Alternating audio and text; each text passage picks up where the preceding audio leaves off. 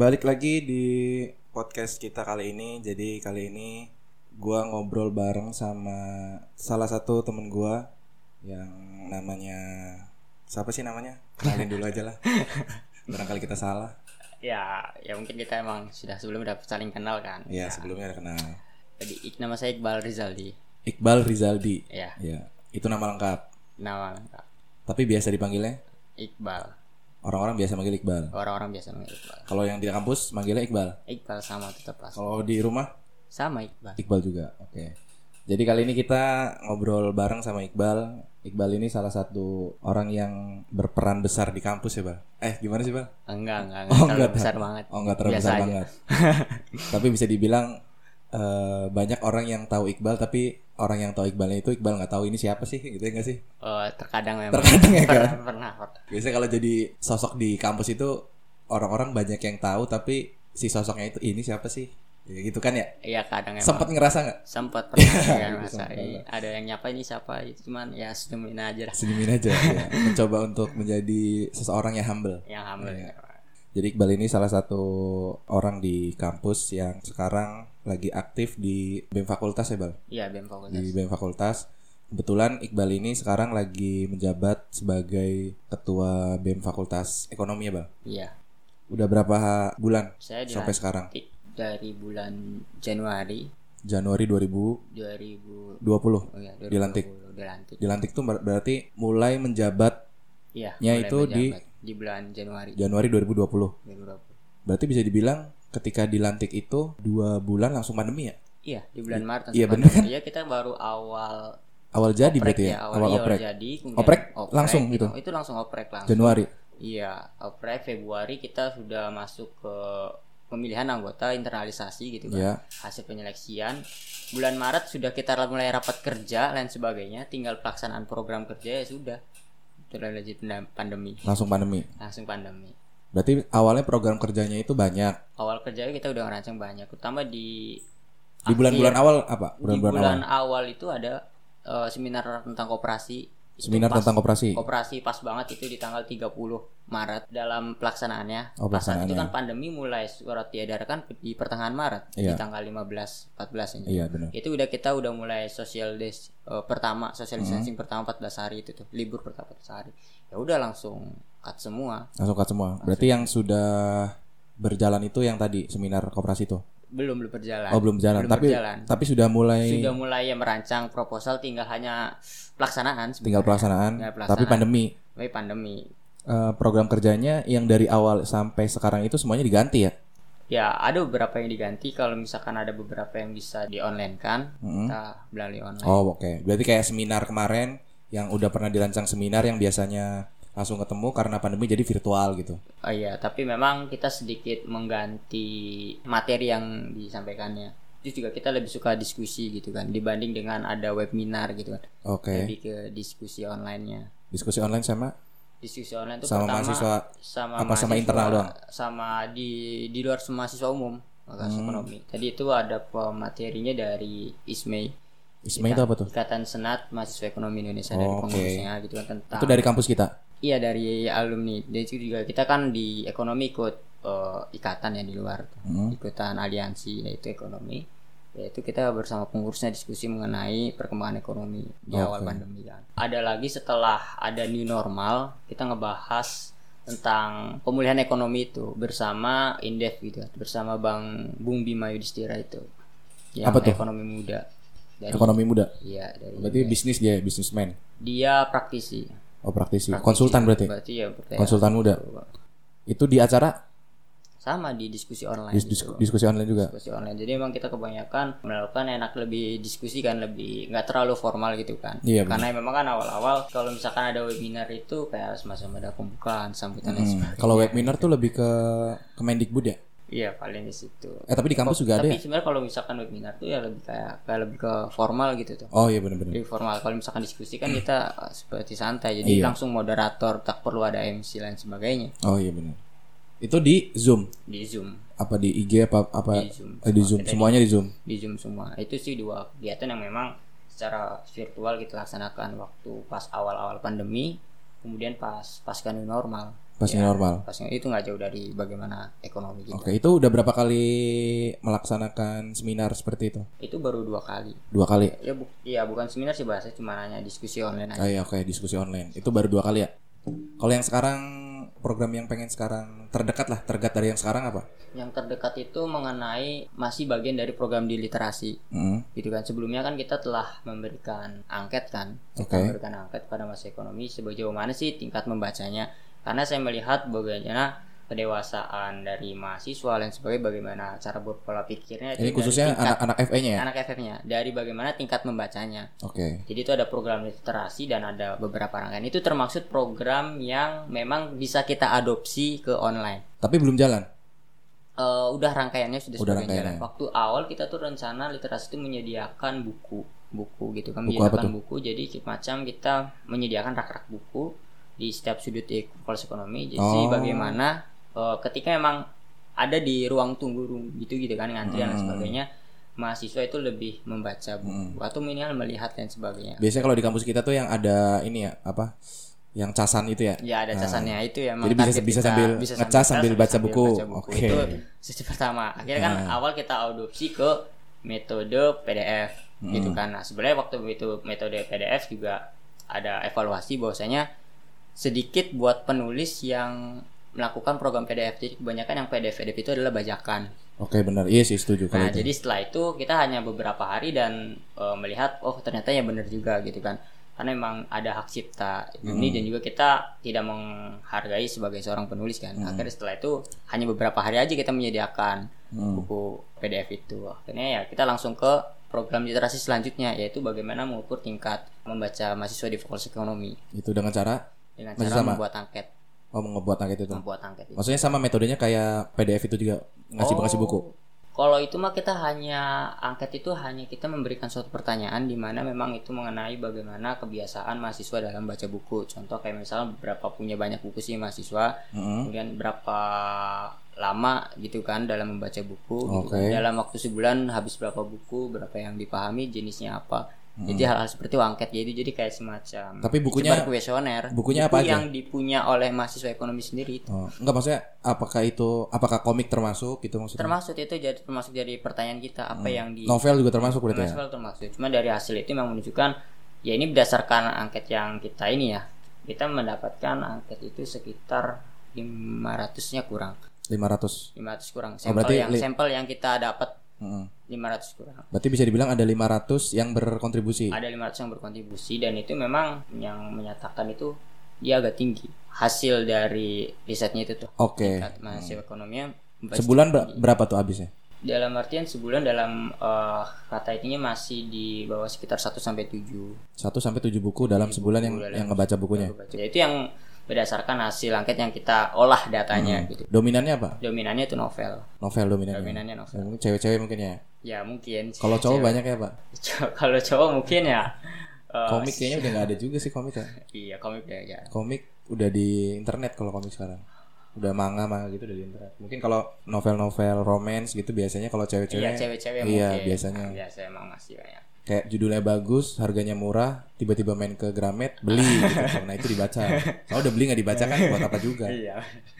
Tapi kalau cowok-cowok ada juga yang baca-baca Ada tapi cuma sedikit. cuma sedikit. Paling ya anak-anak tingkat akhir yang tiba-tiba ngedadak baca aja karena Bisa. Iya emang pengen apa- cari literatur itu ya. literatur itu emang. Terus ada eh, program selain itu ada? Ya itu kita masih berkaitan program yang sekarang terdekat masih Hmm. berkaitan dengan di literasi. Setelah memang kita mengetahui ini, kita mencoba untuk membedah buku dan itu kita juga ada pelatihan penulisan. Membedah buku dan, Dan melatih pelatihan penulisan. penulisan. Latihan penulisan seperti apa sih ketika memang Nulis itu maksudnya nulis buku. nulis buku sebuah Oh, oke. novel gitu kan. Itu di tanggal 20 Juli sekarang. 20 Juli. 20 Juli Sekarang 15. 15. Berarti 5 hari lagi. Ya lima hari. Itu di ya secara online pasti. Oh, tetap online. Zoom juga ya sama ya? Zoom juga sama. Jadi gimana sih nanti kita bisa cara menulis dan sebagainya Hmm. terus juga dalam memilih narasi atau redaksi. Oke. Nanti emang ada pematerinya yang eh, ikut membantu merevisi atau mengarahkan dan sebagainya. Hmm. Oh, berarti ini cocok buat eh, anak-anak ekonomi khususnya. Iya. Anak-anak ekonomi yang emang suka nulis dan tulisannya itu pengen dipublish gitu ya. Iya bisa. Itu dipublishnya berbentuk buku atau kan kalau sekarang kan publish cerita itu ada yang di webtoon, Hmm. ada yang di kayak modelnya PDF gitu. Dan itu diperjualbelikan sama si pembuatnya dengan bentuk PDF juga ada. Nah, kalau yang sekarang itu Kalau itu berbentuk mah, buku. Itu mah tergantung. Kadang tuh memang sudah dalam bentuk ini tapi belum dicetak tuh. Kalau buku itu dicetak kalau misalkan memang sudah ada permintaan. Jadi tergantung dari yang ngebuat- pasar. yang ngebuat. Jadi yang penting ini terbit saja dulu. Mm-mm. Nah, masalah mengenai cetak atau lain sebagainya tergantung permintaan dari buku itu banyak atau tidak gitu. Jadi memang Oh. kalau misalkan dalam menulis nggak semata-mata ya langsung cetak buku, tapi Oke. tergantung melihat bagaimana ya Minatnya ini ya. minatnya. Hmm. Tapi memang ini kan baru proses belajar kan, Hmm. bagaimana ini. Jadi nggak terlalu untuk ke arah komersil ini enggak. Jadi buat hanya latihan gitu. Latihan Dan cuman- juga subung mengisi waktu luang di tengah-tengah pandemi. Iya benar daripada di rumah nulisnya cuma sekedar curhat, nanti udah ikut ini curhatannya itu mungkin kata-katanya lebih baku lah ya. Iya. Maksudnya bisa lebih dibacanya itu lebih enak sama yang ngebacanya. Eh, itu pematerinya dari kampus atau dari, Materi dari luar. Oh, dari Itu luar. dari yang di RCTI, RCTV Cirebon. Itu yang bagian Oh, ini apa? Cirebon TV. Cirebon TV ya. Da- oh, berarti apa itu namanya? Wartawan, Ya termaksud ya salah satu jurnalis. jurnalis ya gitu Iya, ya. jurnalis. Dari situ ada program lagi selain itu? Ya kalau misalkan itu ya paling kebanyakan program-program yang buat internal kita saja. Sih Ada dari internal BEM. internal di BEM-nya gitu kan, bukan di mahasiswa fakultas ekonominya gitu kan. Jadi ya oh, apa sih namanya? Kemungkinan sekarang kan emang ada program yang kita juga merencanakan ada program yang company visit untuk mahasiswa FE terbuka untuk mahasiswa FE Hmm. umum. Karena nggak mungkin kan kita melakukan perkebunan ya kemungkinan kita melalui zoom lagi gitu kan. Mm-mm. bagaimana kita bisa berinteraksi dengan para manajernya langsung bagaimana di kalau misalkan di kita ekonomi kan ada concern di manajemen pemasaran gitu kan atau marketingnya ya bisa berinteraksi langsung gitu. Bagaimana sama aja seperti kayak kita company visit kan langsung nih ke perusahaan menanyakan bagaimana sistematika dan sebagainya lah dan kalau misalkan di dia malah di zoom gitu kan Berarti balik balik lagi ke Zoom juga ya, Zoom- ke Zoom virtual juga, juga. gitu kan virtual Karena juga ada. kebijakannya nggak boleh Nah, iya. berkerumun ya. Dengar-dengar dari Fakultas Ekonomi di kampus kita sendiri kan sekarang itu lagi jadwalnya itu kan penerimaan siswa baru. Dengar juga dari status Iqbal juga kan ngebuat eh bukan ngebuat, membuka open recruitment pemilihan ketua PKKMB, Bal. Iya, Nah, ketua PKKMB. Ya, mungkin yang teman-teman nggak tahu, PKKMB itu bisa dibilang kayak MOS di sekolah ya. bisa. Nah, jadi Iqbal itu membuka umum deh, Bal. Kalau misalkan memang Apa internal BEM? kalau misalkan memang untuk anggota yang mengisi di Hmm. open itu itu kita dibuka untuk umum. Jadi untuk mempersilahkan Hmm. eh, mahasiswa ekonomi yang ingin ikut andil gitu kan dalam kita pasti kita ikutkan open recruitment. Kalau yang ketuanya ini Kalau yang ketua pasti kita dari anak-anak di internal Ormawa Di gitu kan, internal kan ada Ormawa. MFW, ada himpunan akuntansi dan ada- ada himpunan manajemen kan. Hmm. Nah jelas dalam ketua panitia dan struktural inti kepanitiaan Hmm. yaitu kita dari anak-anak Ormawa karena memang daripada basicnya udah basic gitu kan dan Oke. juga memang udah berpengalaman dari sebelumnya. Tapi untuk eh, anggota dan sebagainya pasti kita open recruitment. Hmm, berarti kalau nyari ketuanya itu nggak jauh dari internal dari kampus FE-nya. Iya. Kalau yang buat anggota ke bawahnya itu struktur ke bawahnya dari Iqbal sendiri ngebuka luas untuk mahasiswa Fakultas Ekonomi yang ingin gabung juga gitu Iya. maksudnya. Itu di tanggal berapa, Bang? Ya nanti di jadi kan ada tahap-tahapnya ya Hmm. gitu kan. Untuk tahap sekarang kita udah menuju ke tahap calon. Jadi tuh ada bakal calon, gitu, ketua pelaksana itu ada bakal ada calon kan. Hmm. Dan ya sekarang emang kita lagi tahap ke uji publik dulu. Di sejauh mana memang eh, dari calon ini bisa bercakap ataupun berkomunikasi dengan pertanyaan-pertanyaan langsung dari publik gitu kan. Oke. Gitu kan. Itu udah ada berapa calon? Eh, dua calon dua. Calonnya dua. Kalau misalkan Ketua wakil itu ya? Ya kita nggak ada wakil tapi ketuanya aja. Ketuanya doang. Ketuanya. Berarti ada dua calon ketua. Ada dua calon. Itu dari mana? Itu dari Ormawa.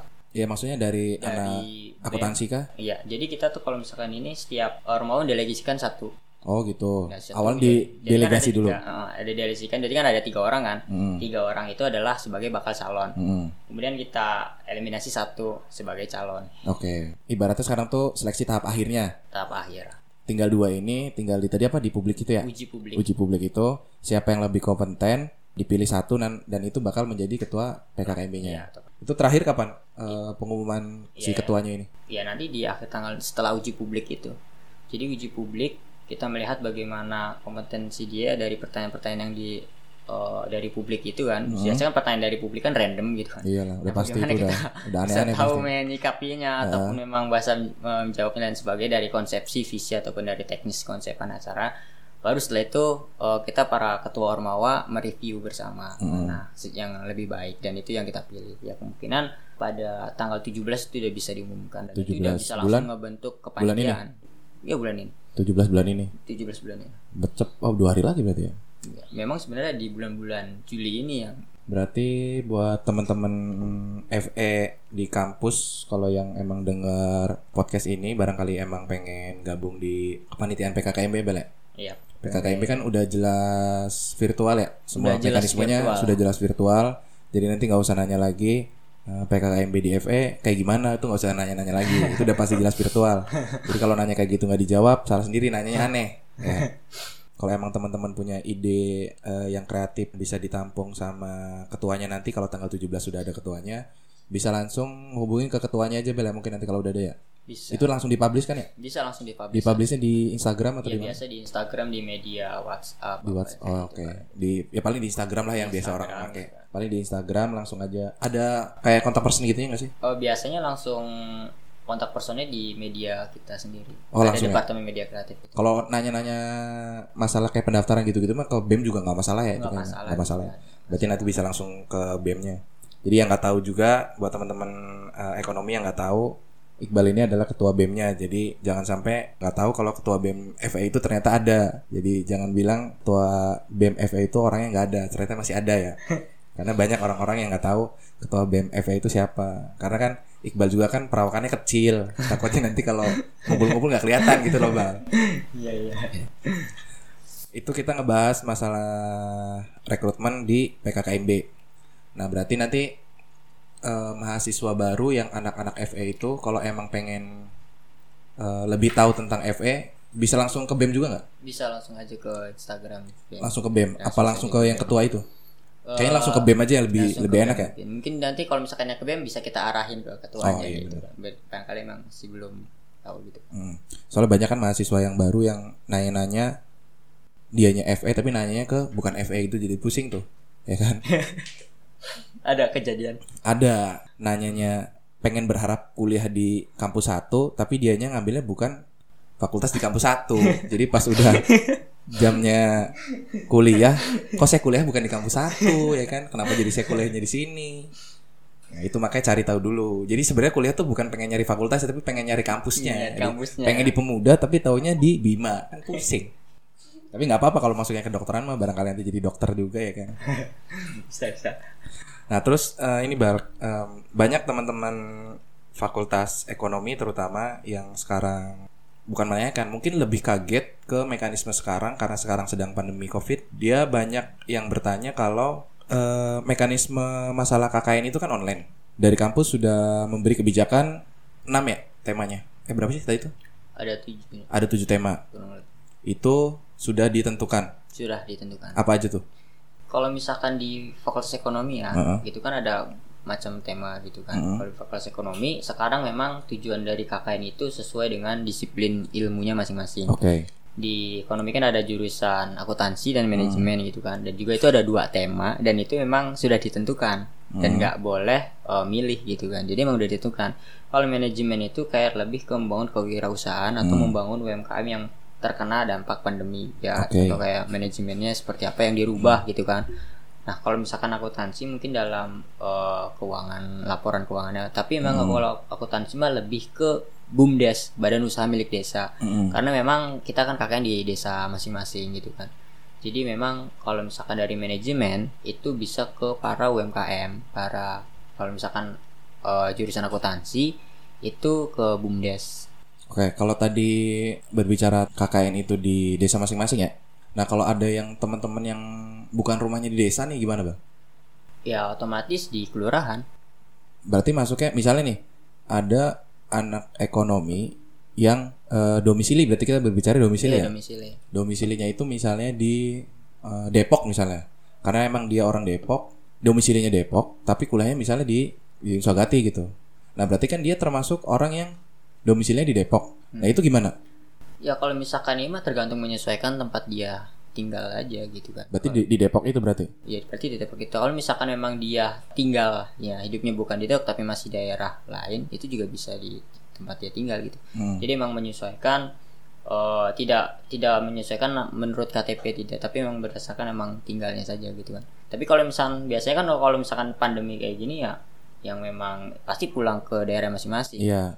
ada teman saya yang di Jambi gitu kan dan dia sekarang pulang ke Jambi gitu kan ya otomatis ya dia kakaknya di desa sananya Di Jambi ya. di Jambi gitu kan Oh berarti kalau yang mekanisme sekarang itu tidak menutup kemungkinan siapa pun ya, maksudnya siapa pun itu dalam arti usaha apa pun bisa dimasukin di tema KKN ya. Kayak misalnya kan kita di kota, di kota kan bisa dibilang tidak ada yang eh, orang-orang yang bisa dibilang tertinggal ya. Tertinggal itu dalam arti entah pemikirannya atau entah peralatan-peralatan di lingkungannya. Kalau kita waktu KKN dulu ya, karena emang langsung turun ke desa dan emang turun ke desa yang tertinggal, kita banyak sekali yang namanya bikin agenda kerja. Kayak contohnya bikin bak sampah lah atau apalah. Nah, itu tuh gagasan-gagasan itu tuh bisa langsung terrealisasi gitu. Maksudnya orang-orang situ tuh bisa langsung bisa langsung menerima.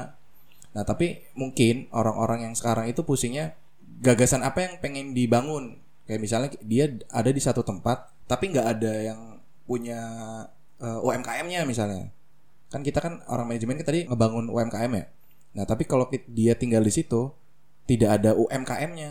Nah, dia nanti ngambil temanya gimana tuh?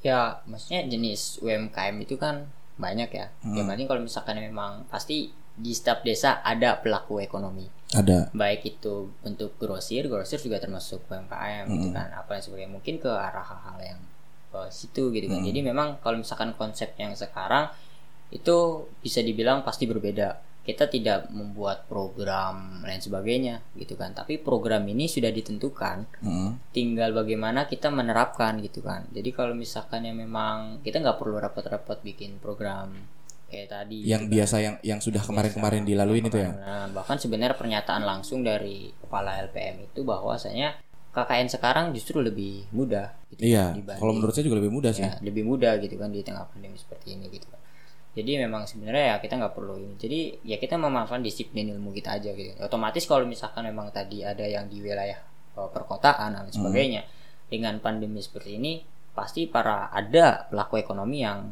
terkena dampak ya penurunan penjualan gitu kan atau bahkan memang terancam untuk bangkrut gitu kan. Nah itu kita hadir di situ seperti apa sih eh, eh, manajemen yang harus dirubah apa yang sesuai sesuai dengan disiplin ilmu kita. Kalau misalkan kita di situ adalah prodi manajemen kemudian juga emang tadi yang saya bilang akuntansi ya paling eh, ini kan lapor-laporan keuangan aja gitu. Jadi memang sebenarnya hanya kita di situ merubah gitu kan. Misalkan dari laporan keuangan ya, tadinya seperti tidak ada misalkan ya tadi kan tipe hanya laba rugi gitu kan tapi tidak ada arus kas itu kita tambahkan arus kas.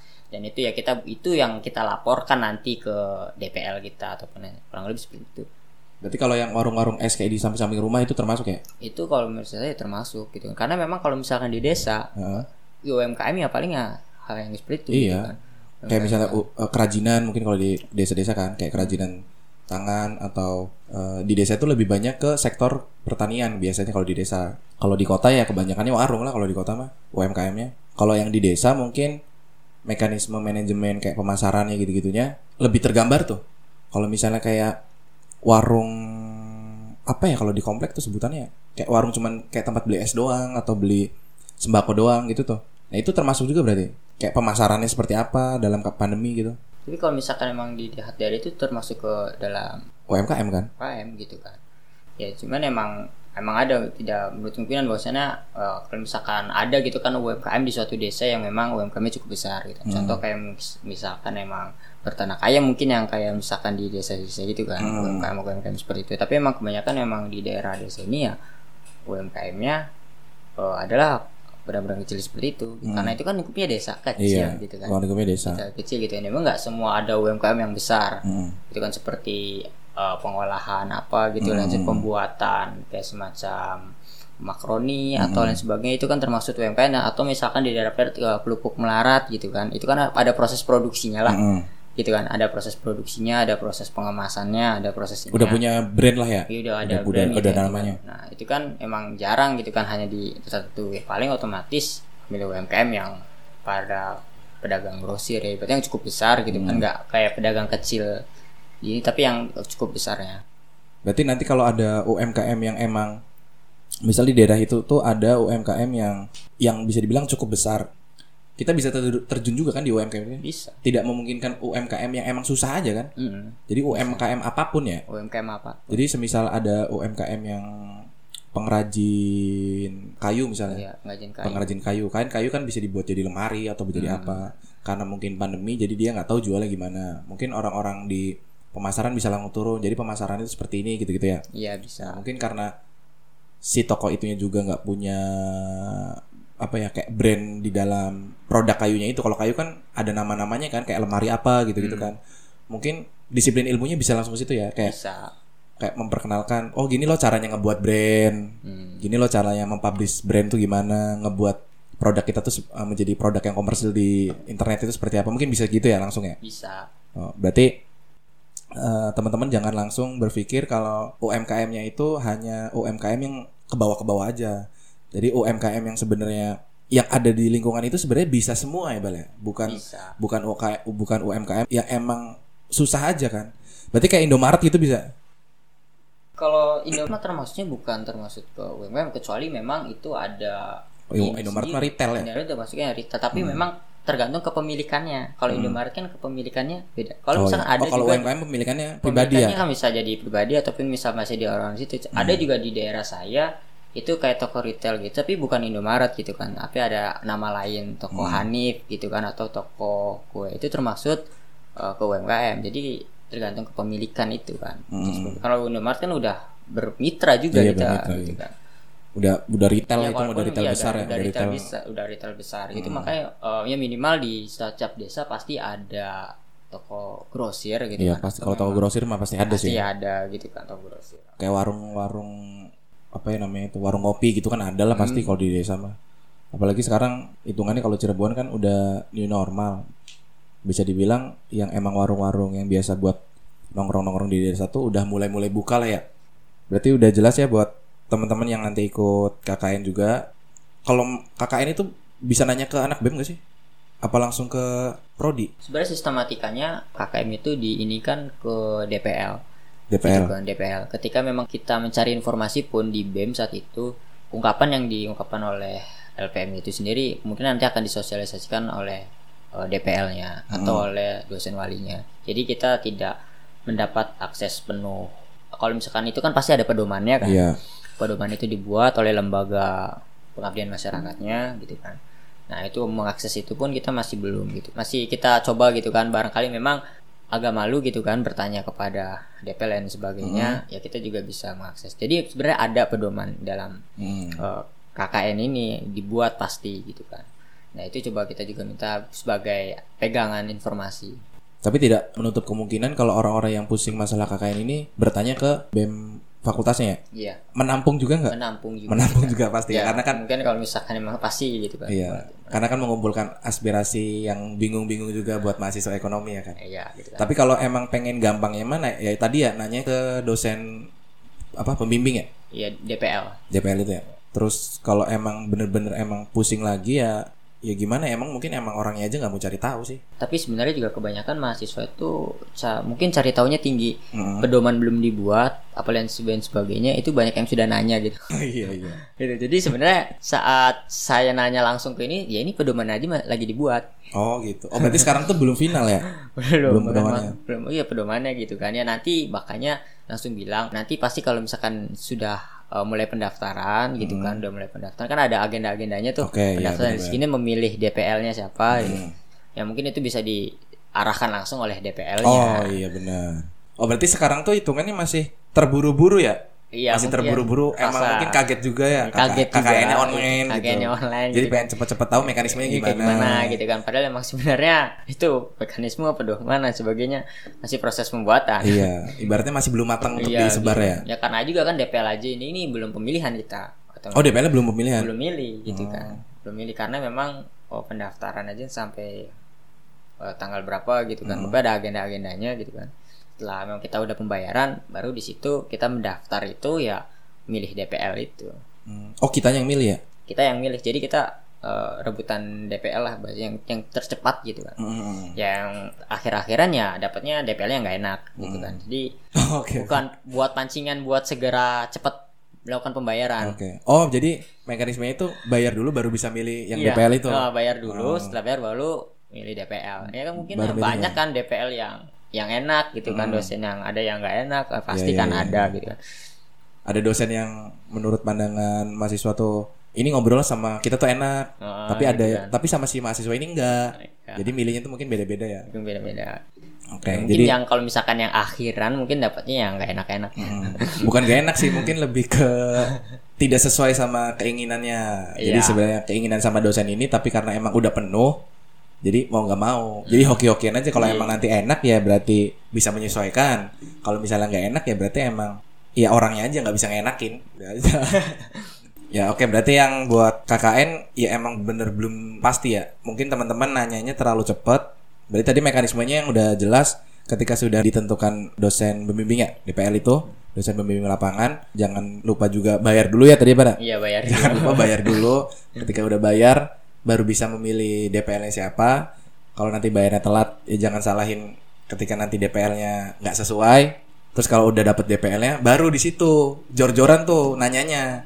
Ya jadi kalau misalnya nanyanya sekarang sebenarnya bukan kurang pantas ya. Mungkin belum tepat aja. Belum. belum tepat karena mau nanya ke siapa pun yang ditanyanya juga bingung karena emang acuannya belum jadi ya bal ya? Belum. Ya kadang kalau misalkan emang DPL itu sudah dibentuk mungkin eh, pedoman sudah jadi juga. Iya, udah kan pasti lah. pasti kan sebelum adanya sosialisasi dari DPL ke anaknya mungkin DPL udah Iya, mempelajari dulu udah ya, udah pedoman. megang aturan lah ibaratnya udah pegang pedoman atau Pedomannya, aturan itu iya. sendiri atau bagaimana aturan mainnya gitu. Hmm.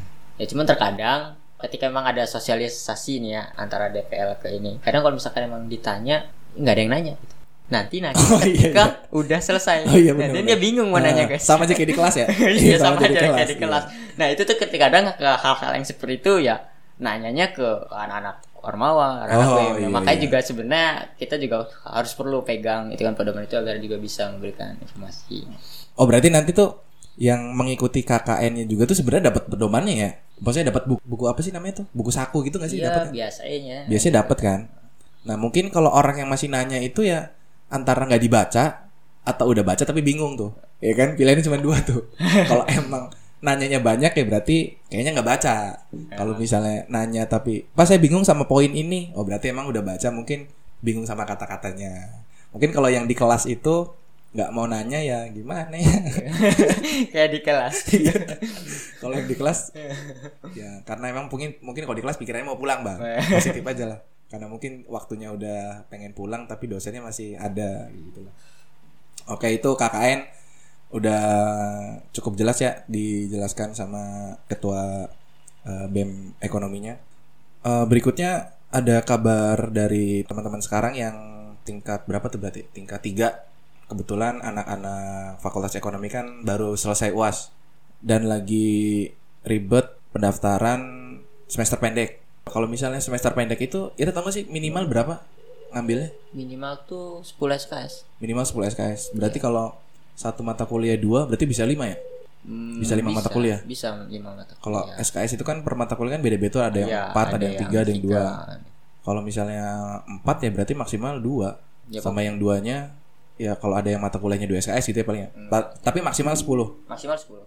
Tapi itu ngelihat kuota juga nggak sih? Itu juga ngelihat kuota. Ngelihat kuota juga. Ngelihat kuota juga. Tapi tahu nggak beritanya yang sekarang dibukanya SP-nya mata kuliah apa aja? Ya, ada beberapa informasi yang memang sudah rilis gitu Iya, kan. udah rilis. Beberapa mata kuliah yang bisa diinikan karena emang maksimal itu 10 orang 10 Dari- orang apa nih? yang permintaan dari untuk SP-nya itu. Oh ya. Jadi satu mata kuliah itu bisa terjalan SP-nya itu ketika ada 10 yang melakukan SP-nya. Iya, saya yang melakukan permintaannya kalau misalkan memang tidak ada ya tidak bisa di SP kan. gitu. Hmm. Oh berarti minimal 10. Jadi memang sebenarnya ada proses pendataan, kemudian ada proses pendaftaran juga. Nah, itu bisa daftar online-nya di mana? Ya itu daftar online secara online juga paling menyediakan form dari Oh ya biasanya Ya, nyediain biasanya form kampusnya sendiri nyediain kayak link gitu ya. kayak link Kayak link terus nanti ngisi-ngisi apa-apa apa gitu ya. Kalau pembayaran sama ya tetap per SKS-nya sekian. Iya, per SKS itu 100. Mm-mm. Maksudnya sama-sama SKS awal kita Iya. kan.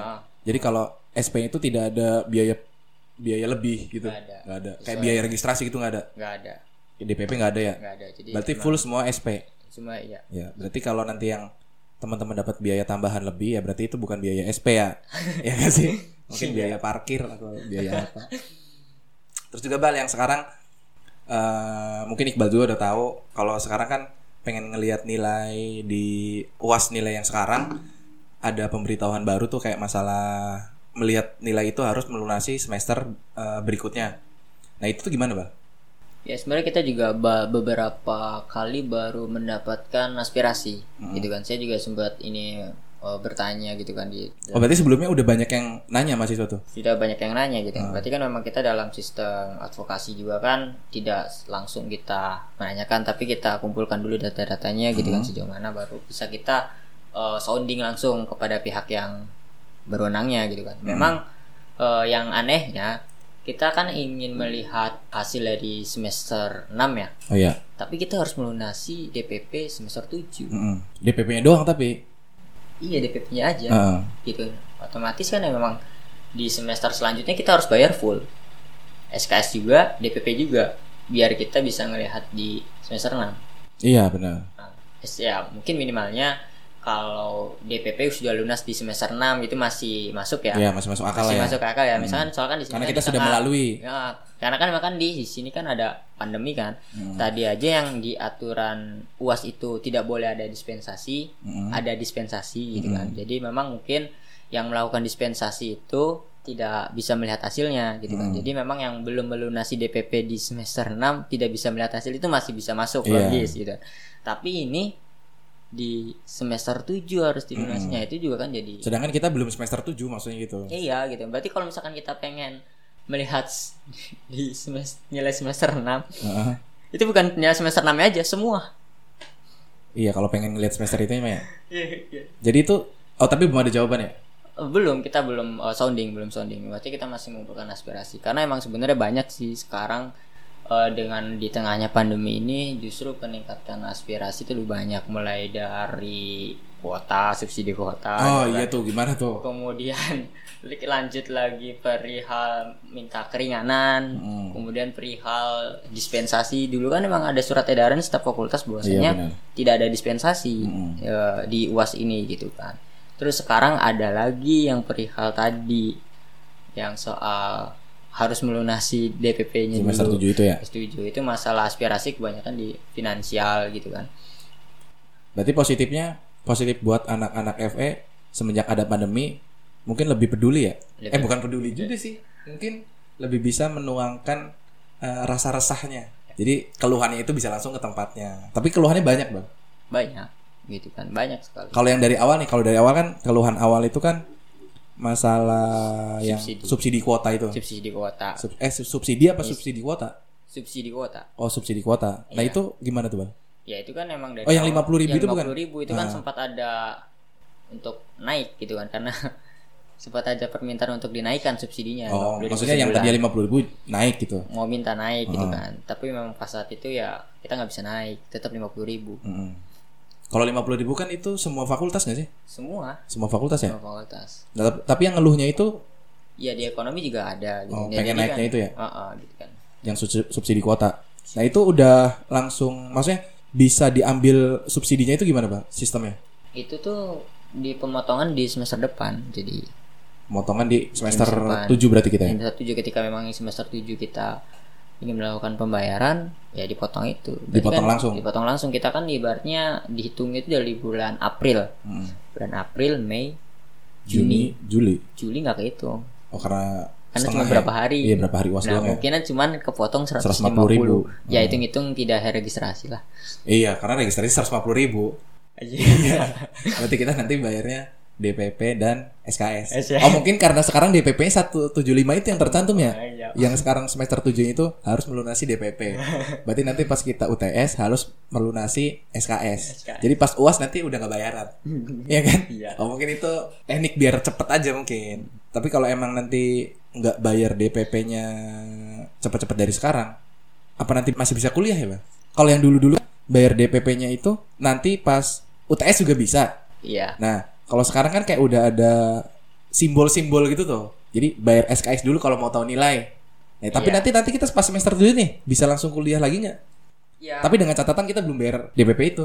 Ya kalau misalkan ikut kuliah sih mungkin ikut kayak kan para dosen pun nilai udah diserahkan ke TU mungkin pasti kan mungkin ya nilainya itu belum dirilis ke portal sehingga kita tidak bisa tahu berapa nilai Oh, oh, berarti kita cuman nggak bisa lihatnya doang Nggak ya. bisa lihatnya Tapi doang. kuliah mah masih bisa ya. kuliah sih insya Allah masih bisa Berarti jangan salah ngambil persepsi nih, apalagi khususnya FE. Soal kita taunya FE doang sih yang kayak gini.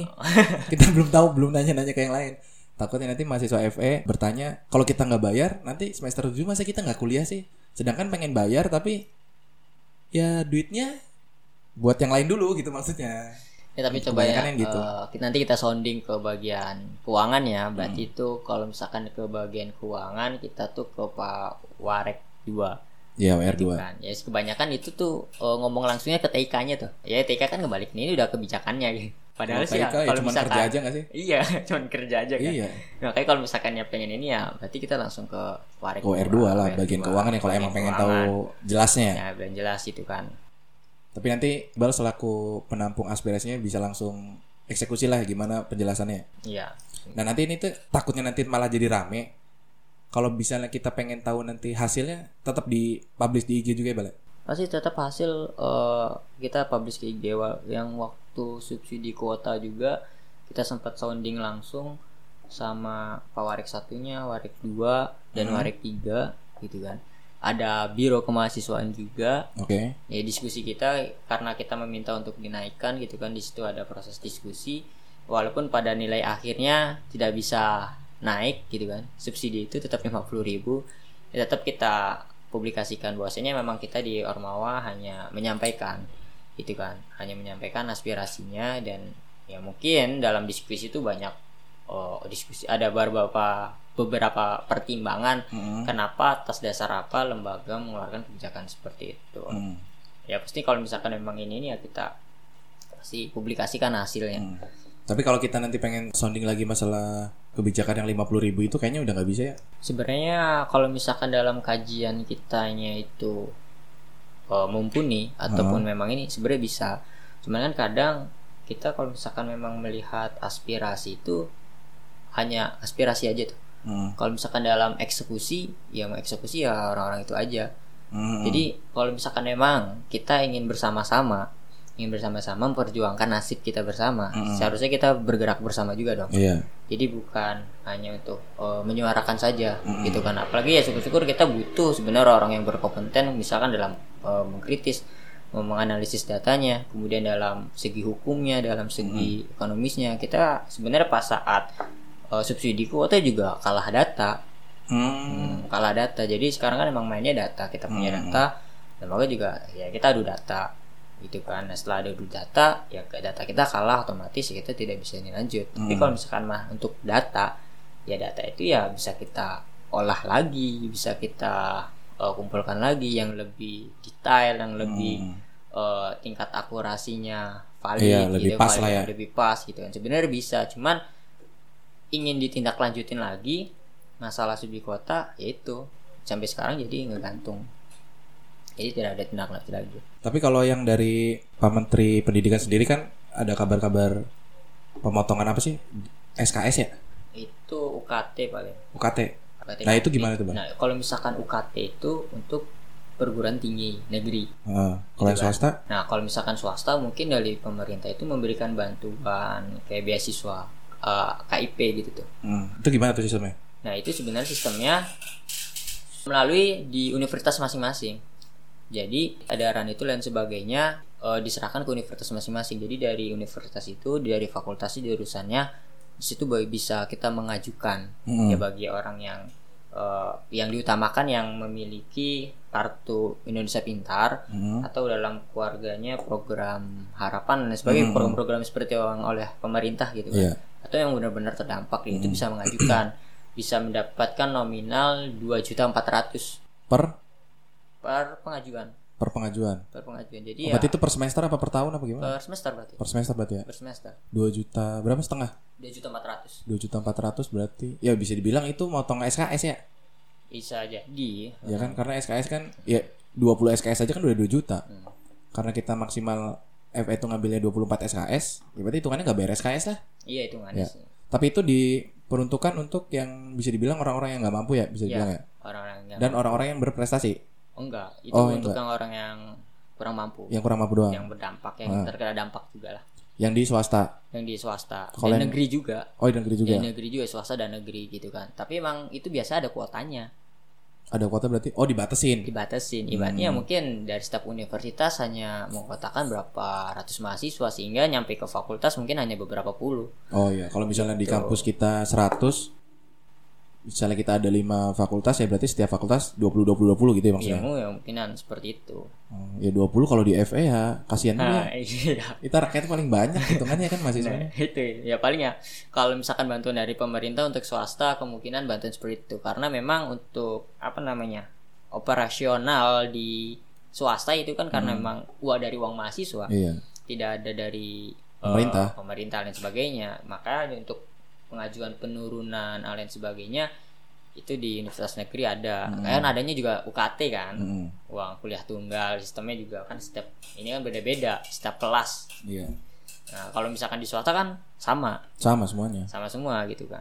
Ya kalau bisa dibilang di swasta kan nggak dapat subsidi pemerintah lah hitungannya. Iya. Kalau di negeri kan karena emang negeri berarti kan dapat eh, dana dari pemerintah. Tapi kalau nanti di Unsogati hitungannya ada biaya apa tuh UKT tadi ya yang dari pemerintah. Itu bisanya mulainya dari kapan? Itu sebenarnya nanti dari pihak fakultas pasti menghubungkan kita memberitahu gitu kan. Heeh. Ya khususnya paling informasi semua ada di Ormawa gitu kan. Ya pasti nanti ada informasinya. Pasti ada informasi ya. Pasti ada informasinya. Karena kalau misalkan jalur itu kan harus menembus birokrasi ya. Mm. Dari kementerian mungkin ke direktorat, kemudian belum dari bawah-bawahan dari pemerintah Iya, iya itulah, sih, belum benar. ke kampus juga, direktor dulu kan. Kemudian ada disposisi ke mana ke fakultas, terus turun ke fakultas ke wadek satu bagian, terus baru ke kaur kemahasiswaan, Iya. baru ke mahasiswa. Jadi emang prosesnya ya lumayan lama. Ya, lumayan lama Tapi sih. sebenarnya hal itu bisa kita pertanggungjawabkan dan bisa kita tanyakan juga langsung. Tapi kalau nominal bantuan yang diberikan oleh pemerintahnya dua juta empat ratus itu ya. Dua juta empat ratus itu yang saya Itu kalau itu udah udah jelas ya. Soalnya itu saya baca di pedomannya ada Oh, di pedomannya ada yang dua juta empat ratus. dua juta empat ratus. Tapi kalau berapa yang dapatnya itu belum belum belum belum jelas ya. Belum jelas belum tahu. Tapi Berapa? yang pasti berkuota lah. Yang pasti berkuota. Pasti berkuota. Oh berarti tidak semuanya ya. Nggak semuanya. Soalnya kita baca tuh bahasan yang diangkatnya tuh mahasiswa negeri dan swasta mendapatkan bantuan dari pemerintah. Nah, kalau anggapan orang yang baca kan nggak ada kuota-kuotaan. Misalnya nanti ada orang tua eh, mahasiswa yang baca, kok kamu nggak dapat sih? Nah itu harus di garis bawah itu karena emang ada kuotanya maksudnya itu. Jadi nggak semuanya ya hitungannya. Iya mungkin kan Jadi- juga kalau misalkan dalam perencanaan anggaran mungkin era APBN jadi udah ditentukan gitu tuh misalkan 20 juta buat ini buat eh, pembantuan mahasiswa di pendidikan Hmm. ya sudah berarti kan 20 juta itu ya tinggal dibagi aja ke beberapa universitas lain sebagainya jadi Hmm. nggak kita ajukan kemudian kita dapat gitu. Hmm. tapi emang sebenarnya kalau misalkan dalam manajemen keuangan juga apa yang ada di kitanya aja jadi contoh kalau misalkan di kalau pemerintah kan APBN misalkan Mm-mm. misalkan buat bantuan pendidikan sekian triliun gitu kan nah berarti kan udah ada nominal segitu Mm-mm. otomatis kalau misalkan dibagikan ke seluruh kampus-kampus di negeri otomatis kan nggak semua itu tuh yang 300 triliun itu Mm-mm. Nah, misalkan itu kita juga nggak tahu berapa nominalnya yang secara pasti untuk ya pendidikan gitu kan Ya paling yang dari biaya bantuan dari kampus pastinya udah jelas bahasanya pemotongan subsidi kuota yang 50.000 ribu itu ya. Tiga bulan ya balik udah yang udah pasti? Yang udah pasti pak itu mah juga hitungan hitung hitungannya nah, yang tiga bulan itu yang 150.000 ribu berarti nanti kita hitungannya mungkin ya gambaran kita aja balik gambaran. Gambaran aja mungkin dipotongnya itu yang lebih gampangnya di tanpa eh, mengeluarkan biaya registrasi itu yang 150.000 ribu itu. Nggak kemungkinan. tahu di registrasi nggak Nggak tahu tahu di di DPP. SKS atau kalau di SKS kayaknya pusing motong SKS apanya mungkin biaya total SKS-nya ya biaya total SKS-nya biaya mungkin total SKS-nya. Yang jelas udah pasti dipotong 50.000 ribu itu lah. Eh apa 150.000 ribu itu ya. iya hitungnya Karena kalau emang kita berpikir eh, luas lagi, karena emang swasta itu tidak dapat eh, sokongan dana dari pemerintah, dengan adanya bantuan dana 50.000 ribu itu harusnya bisa berpikir bersih tuh. iya Oh kampus kita masih peduli sama kita nih, gitu. Mak- ya, makanya juga nama UGJ juga swadayanya nggak dihilangin bener-bener menswadayakan mahasiswa ya. ya, kan mahasiswa ya kan jadi kan swagati S Iya. plus S-nya itu kan swadaya gitu. Iya. Sekarang UGJ bukan Universitas Gunung Jati. Iya. Tapi swadaya tetap ada Universitas Swadaya ada. Gunung Jati. Kalau lima puluh ribu tiga kali, seratus lima puluh ribu per orang aja. Kalau kita ngelihat FE aja, kayaknya satu angkatan aja udah ya banyak uangnya ya kan. Iya, gitu kan. Gimana berapa angkatan terus ditambah sama fakultas-fakultas lain. Tapi itu kedokteran pun sama ya, seratus lima puluh ribu juga ya. Sama. Ya kalau saya kedokteran mah kayaknya lima puluh ribu ya gimana bang? Tapi ya namanya kebijakan ya mau gimana ya? Iya, ya kan. Ya mungkin kalau dari kita sendiri mah ya cukup lah kita pengen kepo-kepo masalah fakultas ekonominya gitu. Cuman dari Iqbal sendiri ada nggak berita yang terupdate untuk teman-teman eh, anak-anak FE? Ya kalau misalkan untuk berita soal informasi Ya, informasi dan yang sebagainya tepatnya. mungkin eh, terakhir itu mengenai kita cari tahu mengenai sidang gitu kan mengenai sidang jadi memang dari sidang tingkat 4 itu dan sebagainya karena memang ada beberapa kendala mungkin ya dalam Sidang skripsi, sidang skripsi maksudnya? skripsi, Oke. sidang skripsi maksudnya dalam eh, memenuhi persyaratan kan ada harus ada persyaratan-persyaratan gitu kan Hmm. salah satunya emang disoroti itu adalah mengenai TOEFL gitu kan banyak Oke. yang memang kalau di FA itu sidang itu harus kuota gitu kan harus memenuhi kuota ada kuotanya Hmm. gitu kan jadi memang eh, ada beberapa ya pembukaan sidang ini ya setiap minggu gitu kan Oh pembukaan sidang setiap minggu. setiap bulan minggu karena memang waktu hari Selasa jadi yang sidang hanya berapa hanya prodi akuntansi Hmm. itu kan belum ada informasi Tapi kuotanya cukup. kuotanya maksudnya ya cukup gitu kan kuotanya cukup jadi kalau misalkan kuotanya udah cukup baru diadakan sidang Hmm, oke paham. gitu Kuotanya Sidang, pas baru sidang. baru sidang Hmm. jadi kan kalau misalkan agenda kemarin kan hari ini memang nggak ada kendala ya mungkin kalau misalkan biasa kan nggak ada Hmm. kendala jadi ketika memang sudah daftar semua ya langsung sidang semua secara serentak gitu berapa Hmm. hari gitu kan kemudian yudisiumnya bareng-bareng Hmm. Tapi kalau yudisium itu tetap online ya? yudisium mah online kan Kalau nanti wisuda wisuda ya Belum ada gambaran? kemudian online juga mas kemungkinan besar online ya? kemudian online juga karena memang waktu saya ngelihat dari pernyataan sikap UGJ Hmm. eh, para ininya ya dengan berbicara pernyataan itu kesehatan mahasiswa dan dosen itu yang paling diutamakan ya Oh bahasanya, sehat bahasanya dong. Iya udah pasti virtual sih itu mah. Bahasanya kayak gitu. kayak kesehatan dal- dalam artian berapa orang pun ya itu termasuk kerumunan gitu Hmm. dan sebagainya Berarti yang kabar terakhir itu masalah sidang itu ya? masalah sidang itu ya itu Sama yang syarat itu. TOEFL itu. ya soal Kalau syarat TOEFL itu gimana? ya TOEFL itu kan sebenarnya sudah bisa dilakukan secara online. Jadi Hmm. kan TOEFL itu sebenarnya dari UPT bahasanya belum menyediakan TOEFL gitu kan. Hmm. Belum menyediakan TOEFL sedangkan kalau misalkan di ekonomi itu harus persyaratan TOEFL kan. Hmm. Nah, ketika memang dibuka persyaratan ya masa ekonomi kan kalau TOEFL dulu lumayan mahal juga gitu kan. Kalau ngambil TOEFL-nya itu bukan di kampus ya? Bukan di Hmm. kampus gitu kan. Nah, makanya baru ada sekarang-sekarang TOEFL di secara online gitu. Berarti sekarang udah dibuka ya? Sekarang udah dibuka. Tapi itu yang mengikutinya itu hanya tingkat akhir yang mau skripsi doang apa yang yang lain boleh? sebenarnya kalau misalkan itu Kayak misalnya tingkat juga dua nih pengen tes TOEFL nih. boleh aja Boleh aja, tergantung keperluannya untuk apa gitu kan Tapi nanti misalnya tingkat dua keperluannya buat sidang karena tingkat dua tahu kalau sidang nanti pakai TOEFL. kan ada batasnya kalau TOEFL berapa Oh tahun iya, gitu ada ini ya masa aktif lah masa ibaratnya. aktif lah gitu Itu biasa berapa sih sebulan paling ya? Pas masa tahun, eh, sekitar satu tahun dua tahun setahun dua tahun ya. iya Kalau nanti diperpanjang ya tes lagi hitungannya kayak SIM aja ya.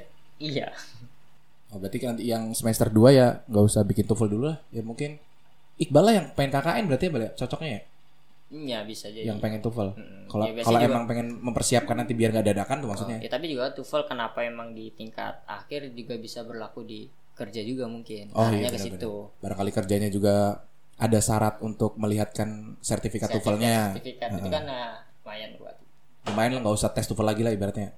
iya Kalau di kampus kita berapa? Tes TOEFL? itu tujuh puluh lima ribu 75.000 per orang ya. tujuh puluh ribu per orang. Satu kali tes. satu kali tes Apa 75.000 itu kalau gagal nanti tes berikutnya udah nggak usah bayar. bayar lagi tetap Oh, berarti sekali tes ya? sekali tes Berapa kali sih biasanya?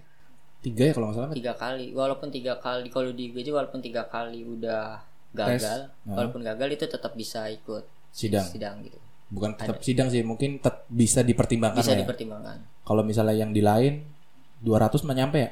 Nyampe tes TOEFL tuh. dan itu juga belum tentu lulus Iya belum tentu lulus sih. Kalau misalnya sekali lulus, yakin ya udah yang lain juga nggak apa-apa lah. Mungkin sertifikatnya itu lebih berbobot lah, ya nggak apa-apa. Tapi selagi di kampus menyediakan dan murah dan udah bisa dipastikan ketika tiga kali itu dinyatakan bisa lu ikut sidang, ya di kampus sih kalau saya mah. Atau juga kalau kampus kan eh, ekonomi kan udah akreditasinya A ya. Jadi sebi- ya prodi manajemennya oh iya manajemen dong ya. Tapi kalau ekonomi belum ya? Eh, ya kemudian kalau misalkan dua program studi itu A semua otomatis fakultas Iya, ekonomi otomatis A. A ya. Tapi kemungkinan A nggak? Iya, masih ada harapan. Masih ada harapan. Tapi kalau nggak salah, kalau denger-denger tuh akreditasi kampus tuh Agustus kalau nggak salah. Kalau nggak salah. Ya, step itu. Tapi gedungnya belum jadi juga sih. Ya, ya B juga nggak masalah sih kita mah. Sogati B tuh udah bagus sih. Tapi kalau misalnya A, ya kita seneng kalau misalnya A. Jadi bisa seenggaknya kita S1-nya tuh bisa daftar ke BUMN lah. BUMN kan A sebenarnya tuh kudu A ngapa kenapa harus A gitu tuh ya kan sedangkan SDM di Sogati kan pinter-pinter ya kan? kenapa harus A cuma gara-gara sertifikat doang ya udah cukup lah bang itu kabar berita terbarunya masalah sidang ya tuh kita terbarunya dan sebagainya. Ya mungkin yang lainnya sih masih kita olah informasi seperti yang tadi soal ya harus melunasi di semester 7 itu. iya Itu masih melunasi kita olah datanya. masih kita olah. belum- nanti kalau emang ada keputusan finalnya bisa dilihat di Instagram BEM ekonomi biasa ya Iya biasa. ya kalau yang belum tahu eh, bal BEM ekonomi apa IG-nya PM FUGJ BEM FEUGJ ya official biasa. BEM FEUGJ official Iya. yang pasti logonya Unsogati ya FE Unsogati Logonya tuh kabinet kita. oh kabinet Iya. Ya, jadi jangan salah kalau nanti nyari namanya sama tapi logonya beda ya itu bukan tuh. Jadi nggak usah coba-coba nanya ke situ. Takutnya nanti kampus lain ya kan? Paling eh, lebih aktifnya di situ ya? Lebih aktivis. ya barangkali mau nanya langsung aja ke Iqbal. Ada admin-admin gitu ya nggak sih? Ada. ada kan ya? Berarti nggak nggak langsung Iqbal yang jawab kan? Enggak, enggak. capek juga Bal. Ya. harus menjawab semua keluhan. Ya udah Bal cukup. Gitu aja untuk ngobrol kita kali ini. Mungkin nanti kalau emang ada suatu pembahasan lagi kita bisa ngobrol bareng lagi ya Bal ya Bisa. Ya, eh, makasih juga udah meluangkan waktunya di saat pandemi untuk ngobrol-ngobrol bareng juga. Barangkali obrolan kita bisa ngejawab pertanyaan-pertanyaan yang khususnya anak-anak FE yang bertanya masalah tadi yang sudah dibahas. Dan kalau emang masih nanti pusing untuk bertanya bisa langsung ke Iqbal selaku penampung aspirasi. Ya Bal ya? Ya kita bukan ngebebanin nih Bal ya emang ya, emang bersedia aja kan Bal. Iya memang itu menjadi tanggung jawab Iya, menjadi. benar-benar. Terima kasih yang sudah mendengarkan podcast kita sampai akhir. Ada kata-kata terakhir nggak, Pak? Eh, maksudnya kata-kata penutup dari seorang Iqbal buat anak-anak FE Ya khususnya. mungkin karena misalkan mahasiswa mahasiswa FE kan banyak ya. Iya. Udah pasti lah banyak. gitu kan. Dalam artian kita dalam memberikan informasi pun eh, kurang gitu dalam ibaratnya banyak masih mahasiswa FE yang kurang informasi mendapatkan informasi yang valid dan sebagainya. Ya saya sarankan eh, untuk aktif di Ormawa kelak Oke. nanti karena memang segala informasi pasti ke Ormawa dan juga karena memang eh, apa namanya segala informasi itu ya pasti ke Ormawa dulu gitu kan dan kita juga untuk melebar luaskan informasi itu juga kan terkadang kesulitan gitu jadi mungkin bisa follow IG kami seperti itu agar bisa tahu dapat update informasi terkini Update. Eh, kabar kampus terbaru kabar ya. kampus terbaru dan sebagainya Ikut ormawa ya ormawa apa pun ya, Bal ya. Ormawa apa pun. Or- Ormawa apa pun yang jelas itu eh, gudangnya informasi lah bisa dibilang gitu ya. iya bisa dibilang. Udah gitu aja, Bal. ya Ada lagi? ya untuk soal topik ini mungkin hanya seperti itu aja Ya udah, mungkin nanti ada pesan lagi di kita obrolan berikutnya. iya Ya udah terima kasih yang sudah mendengarkan podcast kita sampai akhir. Bye.